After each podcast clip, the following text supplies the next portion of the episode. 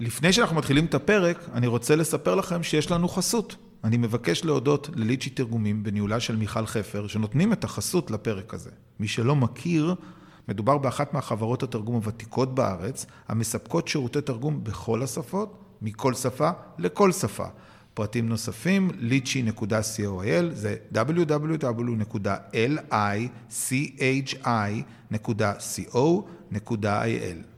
יאללה, מתחילים.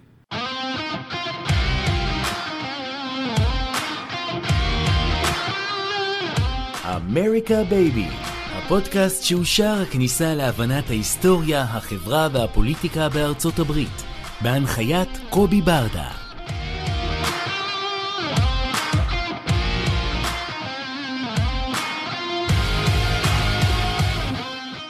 שלום וברוכים הבאים לאמריקה בייבי. היום יש לנו את הכבוד והעונג לארח את אמיר טיבון, הכתב הדיפלומטי של הארץ, מסקר את יחסי החוץ של ישראל, בדגש על היחסים המיוחדים עם ארצות הברית. שימש בעבר שליח הארץ בוושינגטון בין השנים 2017-2020, ומתגורר כיום בקיבוץ נחל עוז בעוטף עזה. היי אמיר, מה נשמע? היי קובי, איזה כיף להיות איתכם. אמיר, תשמע, אני רציתי לבקש ממך, וזה באמת פרק שחיכיתי לו לא מעט, לדבר על הנושא שאותי באופן אישי הכי מרגש, שזה יחסי השדולה אה, של ישראל בארצות הברית, בתור מי שמסקר את כל העולם הדיפלומטי, בתור מי שכותב אה, לא מעט סקופים בקשר לעניין הזה, הייתי נורא רוצה לייחד איתך פרק על, ה, על היחסים הדיפלומטיים של ישראל לארצות הברית, דרך נושא השדולות, ו, ובעצם לפני אתה יודע, כשמתחילים את הפרק, הייתי רוצה לשמוע ממך בתור מי שמסקר את העניין הזה, עד כמה מדד העוצמה של ישראל דרך השדולות בשנים שבהם אתה מתעסק, כן, ב-12-15 שנה האחרונות, השתנה. עד כמה, yeah. ויכול להיות שהוא לא השתנה, יכול להיות שיגיד לי קובי תשמע הכל אותו דבר, fix, perfect, everything is great, אה, אה, אני לא בטוח שזה מה שתגיד, אבל אני אומר נניח, הייתי רוצה לשמוע כאילו איזושהי סקירה שלך בתור מי שמלווה את האירוע הזה בשנים האחרונות, כן. כל הארגונים היהודיים אה, שמייצגים את השדולה של ישראל בוושינגטון. טוב, קודם כל אני אגיד, וזה אותך בטוח ישמח שאומרים את זה, זה לא רק ארגונים יהודיים. היום השדולה הפרו-ישראלית בארצות הברית, יש לה אגף יהודי חזק וחשוב, ויש לה גם אגף נוצרי חזק וחשוב לא פחות, של האוונגליסטים. זה חלק משמעותי מהסיפור ומהשינויים שהתרחשו הייתי אומר ב-20-30 שנה האחרונות אה, אולי זה התחיל אפילו קודם אבל ביתר סט ב-20-30 שנה האחרונות.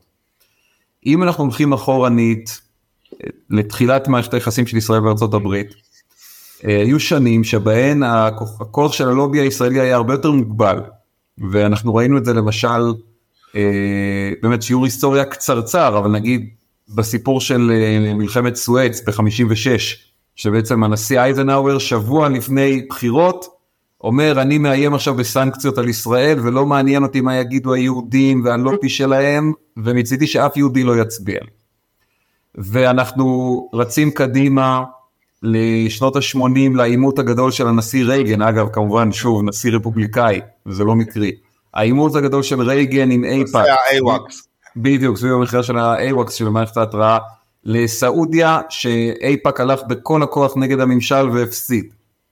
ואותו דבר קרה בתחילת שנות ה-90 עם בוש האבא, עם הסיפור של אה, הערבויות, שהוא אמר שהכסף שאמריקה נותנת לישראל כערבויות לא ילך לבנייה מעבר לקו הירוק, אייפאק ניסו למנוע את זה והפסידו.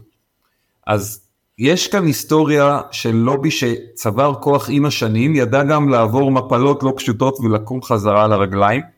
אני חושב ששנות התשעים, תחילת שנות האלפיים, זה איזושהי נקודת שיא בכוח של הלובי הפרו-ישראלי בארצות הברית. אייפאק פועל בתקופה הזאת כמעט בלי תחרות אפשר להגיד, אה, אחד הארגונים הכי חזקים בוושינגטון, לא רק בהקשר של מדיניות חוץ, אלא בכלל, כשמסתכלים על קבוצות הלובי הכי חזקות, אז נהוג היה לשים את הלובי הפרו-ישראלי בחוד החנית יחד עם אה, ה-NRA ויחד עם הלובי של החקלאות הגדולה, ושל חברות המזון והתרופות. הוא יצא אגב פעמיים בשני סקרים שונים, מקום שני במדד העוצמתיות שלו. מה שנקרא The Muscular Lobby אה, Index בשני עכשיו, עיתונים שונים. עכשיו אני חושב שזו נקודה מאוד חשובה מה שאמרת עכשיו כי העוצמה הזאת היא לא נובעת רק מהעובדה שזה לובי שמגייס המון תרומות ויש לו הרבה כסף ויודע לעבוד בחברי קונגרס. יש רובד חשוב מאוד שאסור לשכוח אותו. ישראל היא מדינה אהודה ופופולרית בארצות הברית. ובלי האהדה והפופולריות הזאת, כל הכסף בעולם לא היה מביא את הלובי הפרו-ישראלי למקום כל כך חזק. יש עוד מדינות עם הרבה כסף מאחורי הפעילות הלוביסטית שלהם בוושינגטון, איחוד האמירויות, סעודיה, שהן לא מדינות כל כך אהודות ופופולריות, ולכן אין להן את אותה עוצמה ציבורית ופוליטית שיש ללובי הפרו-ישראלי. זאת אומרת, אני אגיד משהו בקשר, בקשר לעניין הזה, אמיר, אה, שהוא מאוד נכון. לאייפאק יש את הדבר הכי חשוב שזה ה-grassroots movement, זאת אומרת נכון. היכולת להניע אנשים לפעולה, אה, ובסופו של דבר כשאתה משלב, הכסף נכנס רק בשנות ה-70, יותר מאוחר נדבר על השינוי האחרון אה, בשנ, בשנתיים האחרונות, אבל נגיד עד שנות ה-70 מתחיל להיות תעודת ההכשר, שולחים מועמד מהמחוז השלישי של יוטה שאין אצלו יהודי אחד, שולחים אותו, אומרים לו לך תיקח אישור מאייפאק, הוא מקבל תעודת הכשר, ואז פתאום זה הופך להיות מאוד מאוד רלוונטי עבורו, וזה, אז, אז זה לא רק כמו שאתה אומר כסף, אני פשוט מוסיף, המון המון grassroots movement, אנשים שיוצאים ושולחים מכתבים לקונגרסמן ולסנטור ומעודדים אותם אה, בנושאים שקשורים לישראל.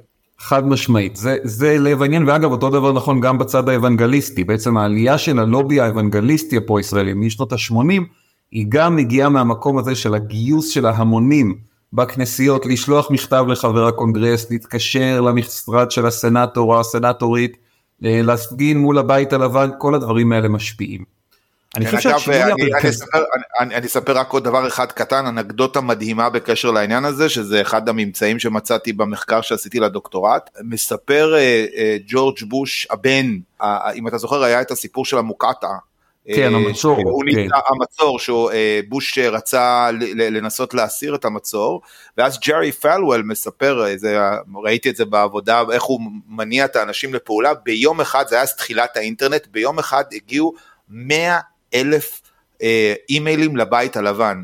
זה הקריס את הבית, זה פשוט הקריס את המערכת, וזו הייתה הפעם האחרונה שבוש שהוא אוונגליסט, הוא born again Christian, נכנס בישראל, זו הייתה הפעם הראשונה והאחרונה, שם זה נעצר, ואגב אני חייב להחמיא לך אמיר, אה, כל מי שאני מדבר איתו על נושא השדולה, אנשי מקצוע כמוך, תמיד מייחסים את העלייה של השדולה האוונגליסטית אה, לאירועים של ה-9-11, וזה עבודת לא, הדוקטורט שלו אחרת, בדיוק, זה התחיל בשנות ה-80, נכון, אז, אז זהו, אז גם שחשוב שתדע את זה, אתה ממש אה, צדקת באבחון שלך. כן, טוב, אפשר לעשות מתישהו פרק בכלל על המהפכה האוונגליסטית הרפובליקאית, לא רק בהקשר של ישראל, אנחנו חלק מאירוע פה. אבל אני חושב שהדבר המשמעותי שאנחנו רואים בעשור האחרון, עשור וחצי, שנות אובמה, טראמפ, ביידן, זה שהלובי הפרו-ישראלי מתחיל להתפרק, ומתחיל אה, להישבר לרסיסים. אנחנו רואים מצד אחד באמת שבצד הרפובליקאי האוונגליסטים תפסו אחיזה מוחלטת על הנושא הישראלי, בעצם אייפאק, שכל השנים התגאה בכוח שלו כארגון שיש לו אחיזת ברזל בשתי המפלגות, רפובליקאים נכון. ודמוקרטים. אני בעיניי טוען שאייפאק היום הוא מיותר בצד הרפובליקאי, לא צריך אותו. בצד הרפובליקאי, בגלל הכוח הנוצרי האוונגליסטי, וגם אגב הכוח של היהדות האורתודוקסית האמריקאית, שהיא אמנם מיעוט ביהדות ארה"ב, אבל בקרב היהודים הרפובליקאים היא הרוב. אה, ההשפעה של שני הגורמים האלה, היהודים האורתודוקסים המאוד ימנים בהקשר הישראלי והנוצרים האוונגליסטים בעצם מייתרת את אייפאק בצד הרפובליקאי. אם מחר בבוקר אייפאק מפסיקה להתקיים, אני לא צופה ירידה משמעותית בתמיכה הרפובליקאית בישראל. היום אני, בעצם... אני מוכן, להת... אני מוכן אה, לעשות איתך דיון שלם ועשינו על זה עם אה, פרופסור מוטי ענברי שדוגם את דור הזי, אנחנו בצרה צרורה בדור הזי, יכול להיות שהיום, מחר ובחמש שנים הקרובות לא, אבל בואכה פני עתיד, היה לי פה פרק, פרק 12, אני מזמין את האנשים להאזין, מי שלא שמע. אה, מוטי ענברי, פרופסור ישראלי שנמצא באוניברסיטת צפון קרוליינה ודוגם את הקהילה האוונגליסטית, הדגים ירידה, אמיר, תוך שנתיים מ-67% ל-31% תמיכה בקרב דור הזי האוונגליסטי, יש לנו בעיה חמורה מאוד. בקשר לעולם תוכן הזה. אני מצטער שהפרעתי לך, אבל זה פשוט... לא, אני, אגב, אני, אני גם מכיר חלק מהנתונים וזה נכון, אני לא מזלזל בזה, אני מדבר על המצב הקיים כרגע. אני מסכים שבאופן כללי, הבעיה הכי גדולה של ישראל בארצות הברית בכלל, ככה בזום אאוט ענק, היא לא פוליטיקה, אלא פשוט השינוי הדמוגרפי שארצות הברית עוברת ובעצם גם אה, החולשה שלנו בקבוצת הגיל הצעירה שהיא חותכת את כל המגזרים וכל האוכלוסיות אפילו אצל האוונגליסטים. אבל אני חושב שהמשימה העיקרית היום של אייפאק בתור הארגון הדו-מפלגתי היא קצת מוזרה, כי בעצם החש... הכוח של אייפאק הוא היכולת של השדולה הזאת עדיין כיום לפעול גם בצד הדמוקרטי. ואני אתן דוגמה שהייתה בכותרות לפני כמה שבועות וזכתה לסיקור מאוד ביקורתי אצלנו בהארץ, שאייפאק הביא לארץ משלחת של 20 אה, חברי קונגרס דמוקרטים, כן. כולם דמוקרטים, בהובלת הקים אה, ג'פריס, מנהיג המיעוט הדמוקרטי בבית הנבחרים. אה, זה משהו שאייפאק עושים כל שנה, בדרך כלל בחודשי הקיץ, מארגנים טיול כזה לישראל לחברי קונגרס חדשים, שזאת הכהונה הראשונה שלהם, ומביאים אותם לפגוש את ראש הממשלה וראש האופוזיציה וכדומה, והפעם הם הגיעו בתזמון מאוד נפיץ. מביאים אותם לשיחה אצל נתניהו בלשכה, שלוש שעות הוא יושב, ונתניהו יודע בפגישות האלה להוציא את המיטב של עצמו, ומשכנע אותם שהשינויים שהוא מציג במערכת המשפט זה כלום ושום דבר, ואין לזה השפעה כל כך משמעותית, ושאם בית המשפט יעז להתערב בחקיקה זה יהיה כמו אה, התערבות של העליון בארצות הברית בחוקה האמריקאית. לא נפתח עכשיו את כל ההשוואות, אבל בשורה התחתונה זה רק אייפאק יכול לעשות היום, זאת אומרת ללובי האוונגליסטי הפרו-ישראלי אין אחיזה כזאת בצד הדמוקרטי, יש, אפשר לספור על, אני חושב על יד אחת, אולי יד וחצי, את כמות המחוקקים הדמוקרטיים שמושפעים מהלובי האוונגליסטי, זה לא שאין בכלל, אבל מספר כן, מאוד נמוך. מיש, יש מישהי מהמחוז החמישי של אוקלהומה, אני לא זוכר את השם שלה, אבל אתה ממש צודק, זה, זה שניים כן, שלושה בקושי. כן, יש כן, כמה ממש. בודדים. אייפאק עדיין חזק בצד הדמוקרטי, הבעיה של אייפאק זה שבמקביל לאובדן הרלוונטיות שלו בצד הרפובליקאי, רלוונטיות כי שוב לא באמת צריך אותו שם, הוא גם מאבד תמיכה בקצב מבהיל בצד הדמוקרטי, זאת אומרת יש לאייפאק תחרות משמעותית בצד הדמוקרטי שככה ראש החנית שלה זה ראש החץ זה ג'יי סטריט שהוא ארגון עם אופי אחר לחלוטין, אה, הרבה הרבה יותר ביקורתי כלפי המדיניות הישראלית בשטחים ואגב לי, לי יש מצד אחד ביקורת קשה מאוד על אייפאק שאפשר תכף לפתוח אותה ומצד שני גם על ג'יי סטריט מכיוונים אחרים. אני חושב שג'יי סטריט בשנים האחרונות הפך לארגון שהרבה פחות עוסק בישראל proper והוא הרבה יותר עוד ארגון שמאל יהודי אמריקאי שבעצם מציג את האג'נדה הליברלית היהודית אה, שמזוהה עם האגף השמאלי במפלגה הדמוקרטית, גם בנושא של ישראל, אבל לא מתוך מקום דווקא של התמקדות בישראל. ו- ושם באמת החולשה של אייפאק מתחילה להתגלות, זאת אומרת, הם מאבדים תמיכה בצד הדמוקרטי, המגמות הדמוגרפיות שהזכרת בהקשר האוונגליסטי הן חזקות פי כמה וכמה בציבור היהודי ובציבורים אחרים שמזוהים עם המפלגה הדמוקרטית, ואני חושב שאייפאק לא כל כך הצליחו בשלב הנוכחי להחליט איך הם מתמודדים עם הסיטואציה הזאת. שמצד אחד בצד הרפובליקאי לא נורא צריך אותם ובצד הדמוקרטי אמנם יש להם עדיין אחיזה זה לא נכון להגיד שהם איבדו אותה לגמרי אבל הם מאבדים קצת כל יום. אז תן לי רגע לקפוץ פנימה ולשאול אותך רוב המאזינים שלנו לא מכירים את זה אני מניח שאתה כמובן מכיר את זה אבל אני כן רוצה להדגים את, ה, את ההחלטה של אייפאק לעשות שינוי, אה, אה, לארגן מחדש את הקונספט לקראת הבחירות האמצע שהיו ב-2022, ודרך זה לשמוע את עמדתך. אז, אז מה שקורה זה שאייפאק מוקמת על ידי ברנש וסם סי קנן ב-1951, ולאורך כל הדרך שלה אייפאק באה ואומרת את הדבר הבא, אנחנו נמצאים תמיד מאחורי החקיקה ולא מלפני החקיקה. שהנגזרת של זה זה אומר שהארגון שומר תמיד, לא משנה עד כמה רפש זורקים עליו, הוא תמיד נשאר מאחורי הקלעים בחשיכה, הוא לא רוצה להשיב, אייפאק מעולם לא כתבה ספר על עצמה, או לי היה מאוד קשה לכתוב את העבודת אה, תזה, אף אחד לא שיתף איתי פעולה, אה, אז, אז זה היה עיקרון. ארגון סגור בטירוף. נכון, באמת, מאוד סגור. מאוד מאוד סגור, והעיקרון השני היה עיקרון שבא ואומר, תקשיבו רבותיי, אנחנו לא מקימים את מה שנקרא super PAC, אנחנו מכירים את זה פה בשם העמותות, אה, V15 וכן הלאה, אצלם זה קצת מוסד אה, אחר, שהבית המשפט העליון הכשיר את היכולת להעביר דרכו כסף, אנחנו בעצם נותנים תעודות הכשר, אנחנו מתווכי הכשרים, לא כסף. מה שקרה לא, זה... תראה, היה, היה שם גם כסף קובי, אבל אני אגיד, זה עבד בצורה מאוד מתוחכמת, שבעצם הייתה רשת של ארגונים שהם לא קשורים ישירות לאייפאק, אבל הם מחפשים את נכון, התעודת הזאת של אייפאק, וברגע שיש אותה, הם היו מזרימים את הכסף למועמדים. אבל נכון. המועמד והמועמדת לא קיבלו כסף מאייפאק, הם קיבלו מ-Friends of Israel New Jersey. בדיוק. The Pro-Israel Committee of Southern Oklahoma, וככה בעצם בזכות התמיכה של אייפאק עבר הכסף בלי שהארגון עצמו מזוהה. בדיוק, אבל מה קורה ב-2022, בבחירות האמצע של 2022, הם מבינים שהם לא יכולים יותר להישאר בצד והם מקבלים החלטה. אה, שבדיעבד אגב הייתה מאוד מאוד מוצלחת, כן? הם החליטו שהם שוברים שתי מסורות. את המסורת של השקט, מי שעוקב אחרי אה, החשבונות ה social media של אייפאק רואה, הם פשוט לא מפסיקים לזרוק בוץ על, אה, על ג'יי סטריט, זה פשוט הפך להיות משהו הזוי, כאילו, המעבר הוא היה מ-0 ל-100. הם הורידו את החליפה. הורידו, בדיוק, ונכנסו לקרב והאבקות בבוץ, ודבר השני, הם הקימו super PAC.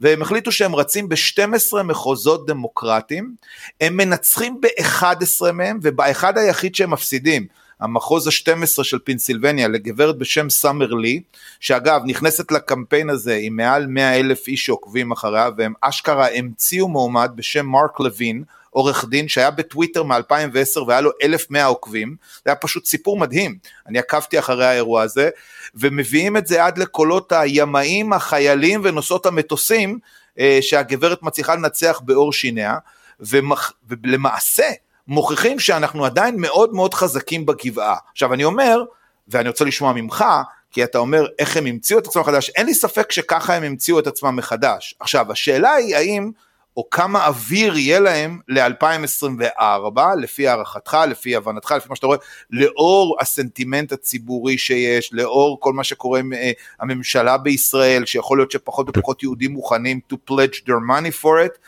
מה, מה אתה רואה, כאילו, לאיפה זה הולך, וגם אם אתה יכול, הייתי שמח שאחר כך תשים מול הצד השני של זה את את ג'יי אה, סטריט שעד עכשיו כמעט ולא נגענו בהם והיכולת וה, המוצהרת והלא וה, מגמגמת שלהם אם תרצה אה, לתמוך באילין הומר, ברשיד עטלי, אולי אני מפספס באיזה שם אחד או שתיים שם, אבל כאילו בכאלה שהם מאוד מאוד מאוד אנטי ישראליות. כן.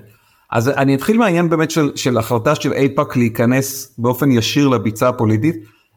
יש עם זה כמה בעיות שהארגון התחיל לספוג המון ביקורת לגביהם, כולל מאנשים שהיו בעצמם חברים ובכירים ומנהלים באייפאק לאורך השנים. אני אשים את הזרקור על שתי בעיות. בעיה אחת, רוב התורמים של אייפאק היום הם רפובליקאים. במיוחד התורמים הגדולים ששמים את עיקר הכסף. זה חלק מהעובדה שיש לו מתחרים בצד הדמוקרטי. יש את ג'יי סטריט, יש את Israel Policy Forum, שזה ארגון שאני אישית יותר אה, מחבב אני חייב להגיד כי הוא יותר מייצג עמדה כזאת של המיינסטרים של המרכז שמאל בישראל שהיא כאילו היא בעד פתרון שתי המדינות אבל היא גם ממקום מאוד ביטחוני ופחות אה, מהתפיסה ההומניטרית הליברלית של ארצות הברית שאני מכבד אותה אבל אני לא בטוח שהיא מתאימה מאוד לשיח הישראלי. ויש עוד ארגונים. אבל רוב מי שתורם היום לאייפאק זה רפובליקאים אבל כמו שאמרת בעצמך קובי אייפאק מתערבת אך ורק בפריימריז של המפלגה הדמוקרטית היא לא תומכת ברפובליקאים שרצים לבחירה מחדש או שמישהו מנסה לערער על המקום שלהם בקונגרס ואז נוצר מצב שבעצם תורמים רפובליקאים משפיעים על מי יהיה המועמד או המועמדת של המפלגה הדמוקרטית במחוזות שונים. וזה יוצר המון אנטגוניזם כי אנחנו חיים ככה במערכת דו מפלגתית בארצות הברית היום וזה מקרה כמעט חסר תקדים שיש ארגון כזה שמשנע כסף רפובליקאי לתוך פריימרי דמוקרטי. הסיפור השני והחמור יותר מבחינתי. אגב, סליחה, אני אגיד לך שיש מי שיגיד שה Lincoln Project זה בדיוק אותו דבר, כן? אבל... נכון, אבל ה Lincoln Project הוא בעיניי פשוט ארגון יחסי ציבור. כאילו, אייפאק הרבה יותר מתוחכמים מהבחינה הזאת. Lincoln Project, הם עושים אה, אולי תשדירים אה, שתופסים אש בטוויטר, אבל אני לא ראיתי עד עכשיו איפה אפשר לשים את האצבע על ניצחון פוליטי משמעותי שלהם. אתה יודע, זה יכול, זה גם שיחה מרתקת על הרפובליקאים שנגד טראמפ והליכודניקים שכבר לא בליכוד וכל כן. המגמות האלה שאנחנו כן, מכירים. כן, נכון. אבל הדבר השני שאייפאק חוטפים עליו ביקורת, זה שכאשר הם החליטו להקים את הזרוע הפוליטית הזאת, הייתה להם דילמה מאוד קשה. כי בעצם הרוב המוחץ של חברי הקונגרס עומדים בתנאי הסף של תמיכה בישראל, רפובליקאים ודמוקרטים. רוב הקונגרס היום הוא פרו-ישראלי, יש ביקורת גוברת בצד הדמוקרטי על הכיבוש בשטחים ועל ההתנחלויות ועל האופי הקיצוני של הממשלה. יש ביקורת בצד הרפובליקאי על ההתקרבות לסין, ואתה כותב ומדבר הרבה גם על הקשיים שיש לנו בעולם האוונגליסטי, כי ישראל מאמצת באופן חלקי, אבל לאנשים שהם בממשלה, תפיסות אה, אה, גזעניות גם נגד נוצרים, יש הרבה קשיים, ועדיין רוב הקונגרס היום הוא פרו-ישראלי. ואז אייפאק שאלו את עצמם, האם אנחנו יכולים לא לתמוך באופן אקטיבי, ברמת ההמלצה, בחברי קונגרס מאוד קיצוניים במפלגה הרפובליקאית שתומכים בישראל, אבל יש להם עמדות איומות ונוראיות שלא מקובלות על רוב יהדות ארה"ב בנושאים כמו למשל, האם ג'ו ביידן ניצח את בחירות 2020, או שהבחירות נגנבו וזויפו. או אפילו יותר מזה, אנטישמים כמו מרגרט יש גם אנטישמים, נכון, אנשים שמשתפים. בוא נאמר שבדרך כלל יש קורלציה בין מישהו שמאמין לתיאוריית קונספירציה על חיסונים או תיאוריית קונספירציה על אה, גנבת בחירות לבין תיאוריות קונספירציה אחרות שכבר מתחילות לגלוש לאזורי היהודים שולטים בבנקים. אמ, ואיפה קיבלו החלטה מאוד קשה שגם הייתה לה התנגדות פנימית בארגון לתמוך במועמדים לא משנה מה הם אומרים על שום נושא אחר כולל אה, הנושא של האם ג'ו ביידן ניצח באופן לגיטימי את הבחירות מול טראמפ ב-2020 והם מצאו את עצמם נותנים המלצת תמיכה למשהו כמו 100 חברי קונגרס רפובליקאים שסרבו להכיר בתוצאות הבחירות.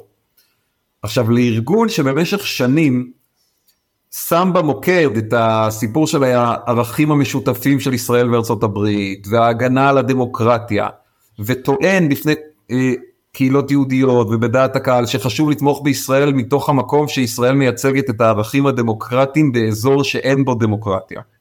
בשביל ארגון כזה לתמוך במאה חברי קונגרס שסירבו להכיר בתוצאות הבחירות, יש בזה מימד של צביעות שקשה להתעלם ממנו וגם על זה הם חטפו המון ביקורת. אז קשה לי להגיד האם המהלך הזה בסוף ישתלם להם, אולי פוליטית בטווח הקצר כן, זאת אומרת הם רשמו רשימה של ניצחונות בפריימריז הדמוקרטיים שהם בחרו להתערב בהם, אבל הם גם פתחו את עצמם לביקורת קשה מאוד על א' ועל העניין הזה שכסף רפובליקאי נכנס למפלגה הדמוקרטית, ודבר שני על התמיכה שלהם במחוקקים האלה. וצריך לזכור שוב את הנחת המוצא שלי, אייפאק חשוב רק בצד הדמוקרטי, בצד הרפובליקאי אפשר בלעדיו. כל דבר שאייפאק עושה, שמחליש אותו בצד הדמוקרטי ומאפשר לג'יי סטריט ושאר המתחרים משמאל לתקוף אותו יותר בעוצמה ויותר בארסיות, בסוף פוגע במטרה של אייפאק בפני עצמו. כן, זה, זה באמת, אה, וגם בסוף הרי זה חוזר אלינו, ופה באמת מה שרציתי לנסות לבדוק איתך, עד כמה אתה חושב, אה, אה, אני הצגתי איזושהי תזה מסוימת, אנחנו התכתבנו בינינו, דיברנו עליה, שמדברת על העסקה המשולשת שאני קורא לה, של, שהמוביל שלה, או מי שאמור להיות הברוקר שלה, להביא אותה בסופו של דבר לחוף מבטחים, כי הסעודים הרי מבקשים עסקה של תמיכה בפיתוח אה, גרעין אזרחי, אה, זה לינזי גרם, סנטור אה, רפובליקני, והטענה שלי שזה לא היה יכול לצאת אל הדרך אם לא היה באמת את המעורבות של ישראל בתוך הסיפור הזה, הן ברמת העבודה של הלובי והן ברמת זה שמדינת ישראל, MBS למשל בסיבוב הראשון שלו כשהוא מגיע כיורש העצר ב-2018, האנשים הראשונים שהוא פוגש אותם זה חברי הקהילה היהודית, זאת אומרת יש פה איזשהו משהו מאוד משמעותי מבחינת החשיבות שבה אה, נתפסת יהדות ארצות הברית וישראל כמי שמחזיקה את הקוד לכספת. מה שאני רוצה לשאול אותך באירוע הזה בסופו של דבר, עד כמה אתה חושב שישראל עדיין שולטת בכספת? 2023 אה, בואכה 2024 לאור המצב הקיים ובמשחק הקיים של ההיחלשות של השדולות כפי שדיברת עליהן. אני חושב שיש אה, מצב היום בפוליטיקה האמריקאית שיש ביקורת גוברת על ישראל בשתי המפלגות ויחד עם זאת יש רצון עז לא להביע ביקורת על ישראל. זה נשמע קצת אה, סותר את עצמו אבל זה לא. אני אגיד את זה שוב קצת יותר לאט, יש עלייה בביקורת על ישראל לצד רצון עז להיות במציאות שבה לא יהיה צריך להביע ביקורת על ישראל. שישראל, זה, זה נכון במיוחד בצד הדמוקרטי במיינסטרים הליברלי דמוקרטי של uh, המפלג, של, של, בארצות הברית שהוא גם המיינסטרים היהודי, שישראל תשתנה קצת, תתמתן קצת, תתרכך קצת, אפילו לא תסיים את הכיבוש ותעשה שלום עם הפלסטינים, אבל למשל שלא יהיו שרים כמו איתמר בן גביר ובצלאל סמוטריץ' שמדברים על דברים גזעניים מאוד בצורה כל כך בוטה, ושיהיה פחות אלימות בשטחים ופחות הרוגים, גם בפיגועים בצד הישראלי וגם הרוגים פלסטינים. או למשל מהצד הרפובליקאי, שתהיה פחות השפעה. נהירה לסין. כן, גם לסין וגם פחות אה, אג'נדה אנטי נוצרית שפוגעת באבנגסות, ש... או למשל שישראל תתמוך יותר באוקראינה, כי נגיד לינזי גרם שהזכרת הוא באמת נכון. סנאטור פרו-ישראלי מובהק ועדיין הוא כיסח אותנו בסיפור של אוקראינה. בסיפור של אוקראינה, נכון. כן, נכון. כיסח אותנו על זה. בעיניי בצדק באופן אישי, אבל זה נושא מורכב. אה, זאת אומרת, יש המון ביקורת, אבל אני חושב שאירוע כזה כמו הסכם עם סעודיה, אם יהיו בו את המרכיבים הנכונים, תכף נדבר על מה זה המרכיבים הנכונים לצד הדמוקרטי והרפובליקאי, אבל אם יהיו בו את המרכיבים הנכונים הוא עדיין יזכה לתמיכה מהדהדת, כי בסוף עוד לא הגענו למצב שהביקורת והעוינות הזאת שאפשר לראות בחלק מהמקומות היא הבונטון והיא זאת שמכתיבה את המהלכים בוושינגטון. זה יכול לקרות אם, אם אנחנו נישאר ארבע שנים עם הממשלה הנוכחית והמגמות שהיא מייצגת ילכו ויתחזקו, אנחנו ממש יכולים להגיע למקום שאיפא"ק מתרסקת, ובעצם התמיכה בישראל הופכת להיות עניין של אה, באמת אה, יהודים אורתודוקסים וחלק מהאוונגליסטים, ובשאר המקומות אנחנו מתרסקים, זה לא תסריט בלתי סביר, אבל זה לא המצב. אבל אני, אני, אני, אני חייב לשאול אותך שאלה דווקא, לעצור אותך בשנייה הזאתי, ולשאול אותך, האם אתה לא מרגיש, ואנחנו ראינו לא מעט חברי קונגרס דמוקרטים שמצטלמים עם אה, אנשים מהמהפכה בארצות הברית, האם אתה לא מרגיש שלא יכול להיות שזה דווקא עושה reconnection? המחאה? המחאה, כן, כן, שהיא פיצו, ממציאה מחדש את ישראל האחרת, שיכולת אולי לשמש לנו כאיזשהו נקודת חיבור, זה נכון שכאילו כן. הממשלה זה הכי קיצון שיש, אבל פתאום העם בישראל מצטייר הכי קרוב שיש, למיינסטרים הדמוקרטי, לא? אז, אז אתה צודק במאה אחוז קובי, אני רוצה שנייה לסיים את סעודיה ואז אני אתן לך את התזה שלי על הדבר הזה. אני רק אגיד על סעודיה, אני באמת חושב שלצד הדמוקרטי כן חשוב שיהיו אה, הישגים גם לפלסטינים בסיפור הזה, זה בהחלט יסייע להשיג את התמיכה של כל הסנטורים הדמוקרטיים, ואני חושב שלביידן זה דבר חשוב גם בהיבט של אחדות המפלגה בשנת בחירות, וגם כי הוא צריך uh, כל אצבע שהוא יכול בסיפור הזה בשביל להגיע ל-67, אז הסיפור הפלסטיני כן יעזור, ואגב מה שמעניין לינצי גרם שהזכרת, ביקר uh, אתמול במצרים, נפגש עם הנשיא סיסי והוציא הודעה שבה הוא מדבר על היכולת של מצרים לסייע לרתום את הפלסטינים לטובת הסכם עם סעודיה. הוא היה פה ערב יום השואה, זה פשוט היה מתחת, אף אחד לא שם לב. הוא, הוא דיבר על זה גם אז, נכון? נכון. הוא הגיע מריאד, אה, אה, הוא כל הזמן מתווך, הוא עסוק בתיווך לינזיגרם. אבל תראה איזה קטע שסנאטור רפובליקאי פתאום בא נכון. ואומר, הסיפור הפלסטיני חשוב גם, גם בעיניי, זאת אומרת הוא משבח את מצרים על איך היא יכולה לעזור לרתום את הפלסטינים להסכם ישראל, זה משהו קצת מוזר לסנאטור רפובליקאי. ואני חושב שבצד הרפובליקאי מאוד חשוב שיהיה כאן משהו שבאמת נתפס כשינוי המציאות במזרח התיכון, כי תהיה התנגדות של דונלד טראמפ והנאמנים שלו לכל סנאטור רפובליקאי שיצביע בעד זה. זה יהיה פחות מעשרה חודשים לפני הבחירות. וואו, מעניין ו... התזה שאתה אומר, אני לא חשבתי על זה. וטראמפ, אני חושב, מאוד יכעס על כל סנאטור רפובליקאי שיתמוך בזה שלביידן יהיה הישג גדול יותר מהסכמי אברהם בתוך שנת הבחירות. לא, וטראמפ ינסה היה... לסכל את זה, וינסה להגיד לסעודים, אל תחתמו, חכו לי, תקבלו הסכם יותר טוב ממני. אגב זה שקר, הם לא יקבלו הסכם יותר טוב מטראמפ, כי אף דמוקרט, אבל ממש אף דמוקרט, אולי חוץ מצ'אק שומר וג'ו מנצ'ין, לא יצביע בעד הסכם ששלושת השמות שמעורבים בו זה דונלד טראמפ, מוחמד בן סלמן וביבי נתניהו. זה, נכון. זה לא יקרה. הסיכוי להעביר את זה כרגע הוא יותר גבוה כי ביידן יכול להביא יחד עם נתניהו איזשהו אחוז מסוים של רפובליקאים. אז זה לגבי נכון. סעודיה. עכשיו לגבי המחאה, מסכים איתך ב-200 אחוז ואני רוצה להגיד לך זה, המחאה היא, היא ביטוי מעולה של תופעה שאני חושב עליה כבר כמה שנים, שאולי במקום לדבר על ה-US-Israel relationship, על מערכת היחסים הישראלית-אמריקאית, צריך להתחיל לדבר על the US-Israel relationships, על מערכות יחסים נפרדות. ואני אתן סיפור מהתקופה שהייתי כתב בוושינגטון שממחיש את זה. ב-2019 היה אירוע שהנשיא טראמפ אה, באיזשהו יום שישי בצהריים, הוא תמיד היה מביא את הבומבות הכי הזויות ביום שישי בצהריים, אה, נמצא בבית הלבן, והיה סיפור שחברות הקונגרס אה, עומר וטליב רצו לבוא לבקר בישראל, וישראל בהתחלה נתנה להם אישור, ואז בלחץ של טראמפ ישראל ביטלה את אישור הכניסה שלהם, והדמוקרטים זעמו, כולל ידידי ישראל ותיקים במפלגה שאמרו איך אתם לא נותנים לחברות קונגרס להיכנס, מה אתם השתגעתם?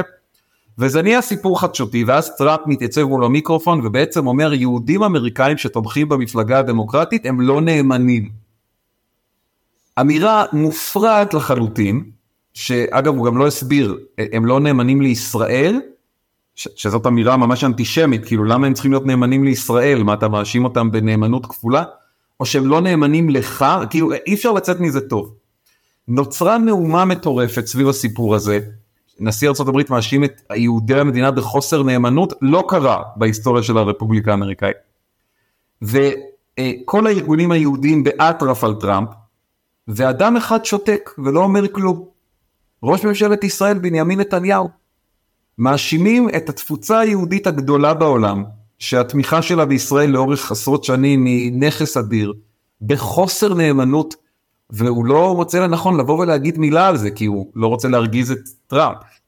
ואז אחרי כמה ימים של שתיקה נוראית ומביכה, נשיא המדינה דאז, רובי ריבלין, מרים טלפון לננסי פלוסי, אז יושבת ראש הקונגרס מטעם הדמוקרטים, ומנהל איתה שיחה שבה הוא אומר אנחנו אסירי תודה לתמיכה שלנו בשתי המפלגות בארצות הברית, יש לנו חברים רפובליקאים ודמוקרטים, כל השנים קיבלנו תמיכה בשתי המפלגות וכמובן שזה נכון גם ליהדות ארצות הברית. ובעצם אפשר היה לראות פה שנוצרות שתי מערכות יחסים נפרדות, שני ערוצי קשר נפרדים.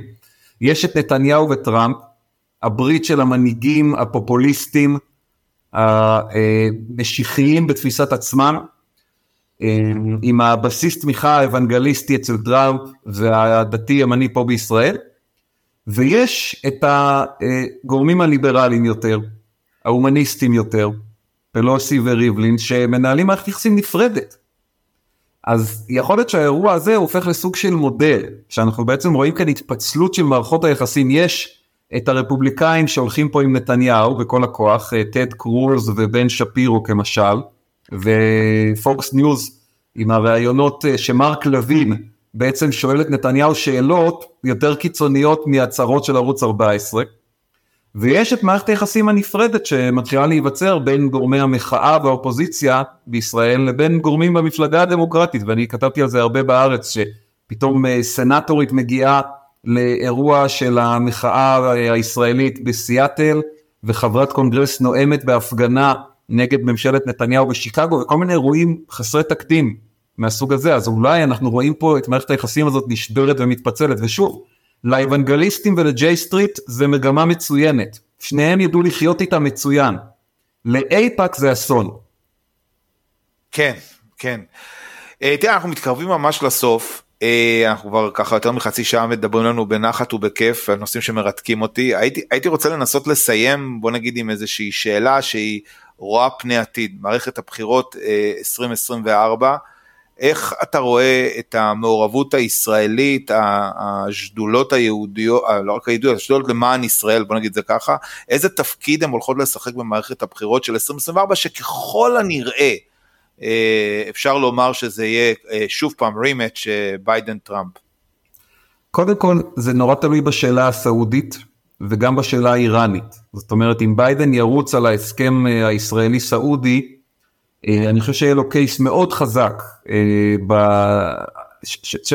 תראה אפילו האוונגליסטים כמו CUFI, כן, Christians United for Israel, כן. שזה אנשים של טראמפ.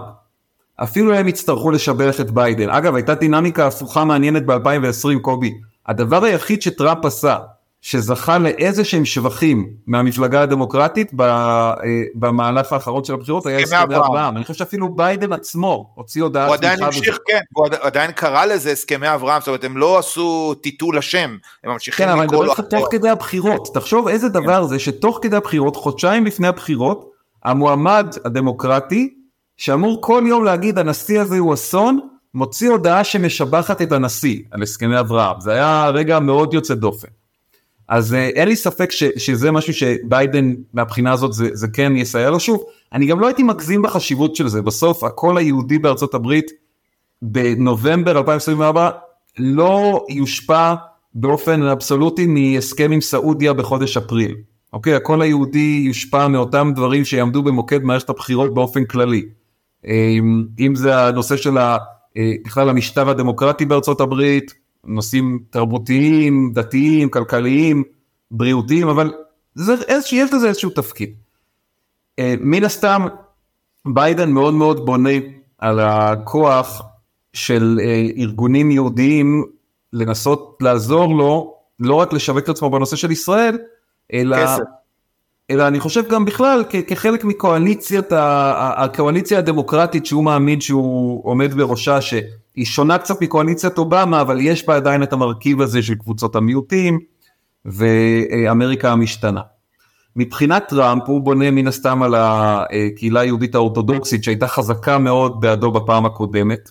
ואין לו הפעם את שלדון אדלסון, צריך לזכור את זה, יש עדיין את מירי אדלסון, אני לא יודע אם היא תהיה מעורבת באותה מידה. עד כה למיטב ידיעתי, בפריימריז הרפובליקאים, she's sitting it out, היא לא מתערבת. וזו שאלה מעניינת, אם יהיה הסכם סעודי, מה היא תעשה במערכת הבחירות עצמה? האם אנחנו שוב נראה טראמפ מקבל 100 ומשהו מיליון דולר מאדלסון? אני לא יודע להגיד אם זה נכון. אה, ומבחינת אייפאק, שוב, אני חושב שכל מגמת ההקצנה בשיח הפוליטי האמריקאי וחידוד העמדות בין המפלגות כולל בנושא של ישראל, והתמונת מראה של מה שקורה פה אצלנו, הפיצול החברתי, תרבותי, פוליטי האדיר שהחברה הישראלית עוברת, אלו דברים שמחלישים מאוד את אייפאק בתור לובי שתמיד הציג את עצמו כמעוז הביי-פרטיזניות והשיתוף פעולה הדו מפלגתי.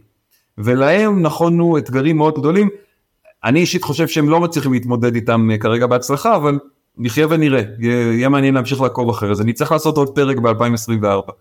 Uh, בוודאות, היה כיף גדול, המון המון תודה על הזמן, על, על כל התובנות החכמות שלך. Uh, ותשמע, באמת, היה אחד הפרקים שאותי הכי ריתקו באופן אישי, כי זה הנושא שהוא בעצם הנושא מחקר שלי, והנושא שאני עובד בו, והיה כיף לשמוע את ה insight שלך. Uh, תודה רבה. תודה קובי, ובאמת תמשיכו לעשות חייל, ממש כיף ומעניין להקשיב. תודה רבה שהאזנתם לפרק הזה. אתם יכולים למצוא אותנו בכל האפליקציות של הפודקאסטים, דוגמת ספוטיפיי, אפל, גוגל פודקאסט ועוד. ושוב, המון תודה לליצ'י תרגומים בהנהלת מיכל חפר, בית לשירותי תרגום בכל השפות על חסותם לפרק זה, שניתן למצוא באתר lichy.coil, זה www.lichi.co.il.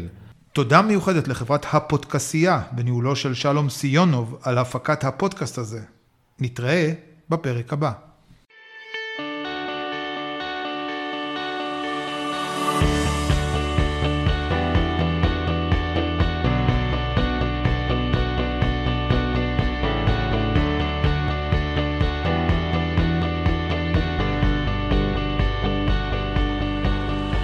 קובי ברדה הוא דוקטורנט להיסטוריה פוליטית אמריקאית באוניברסיטת חיפה. מלגאי בקתדרת חייקין לגאו-אסטרטגיה והחממה הדתית באוניברסיטת חיפה. ומחבר הספרים המפתח להבנת טראמפ ו-Grassroots Path to Congress. מחקריו מתמקדים בשדולות למען יחסי ישראל-ארצות הברית ובפוליטיקה אמריקאית.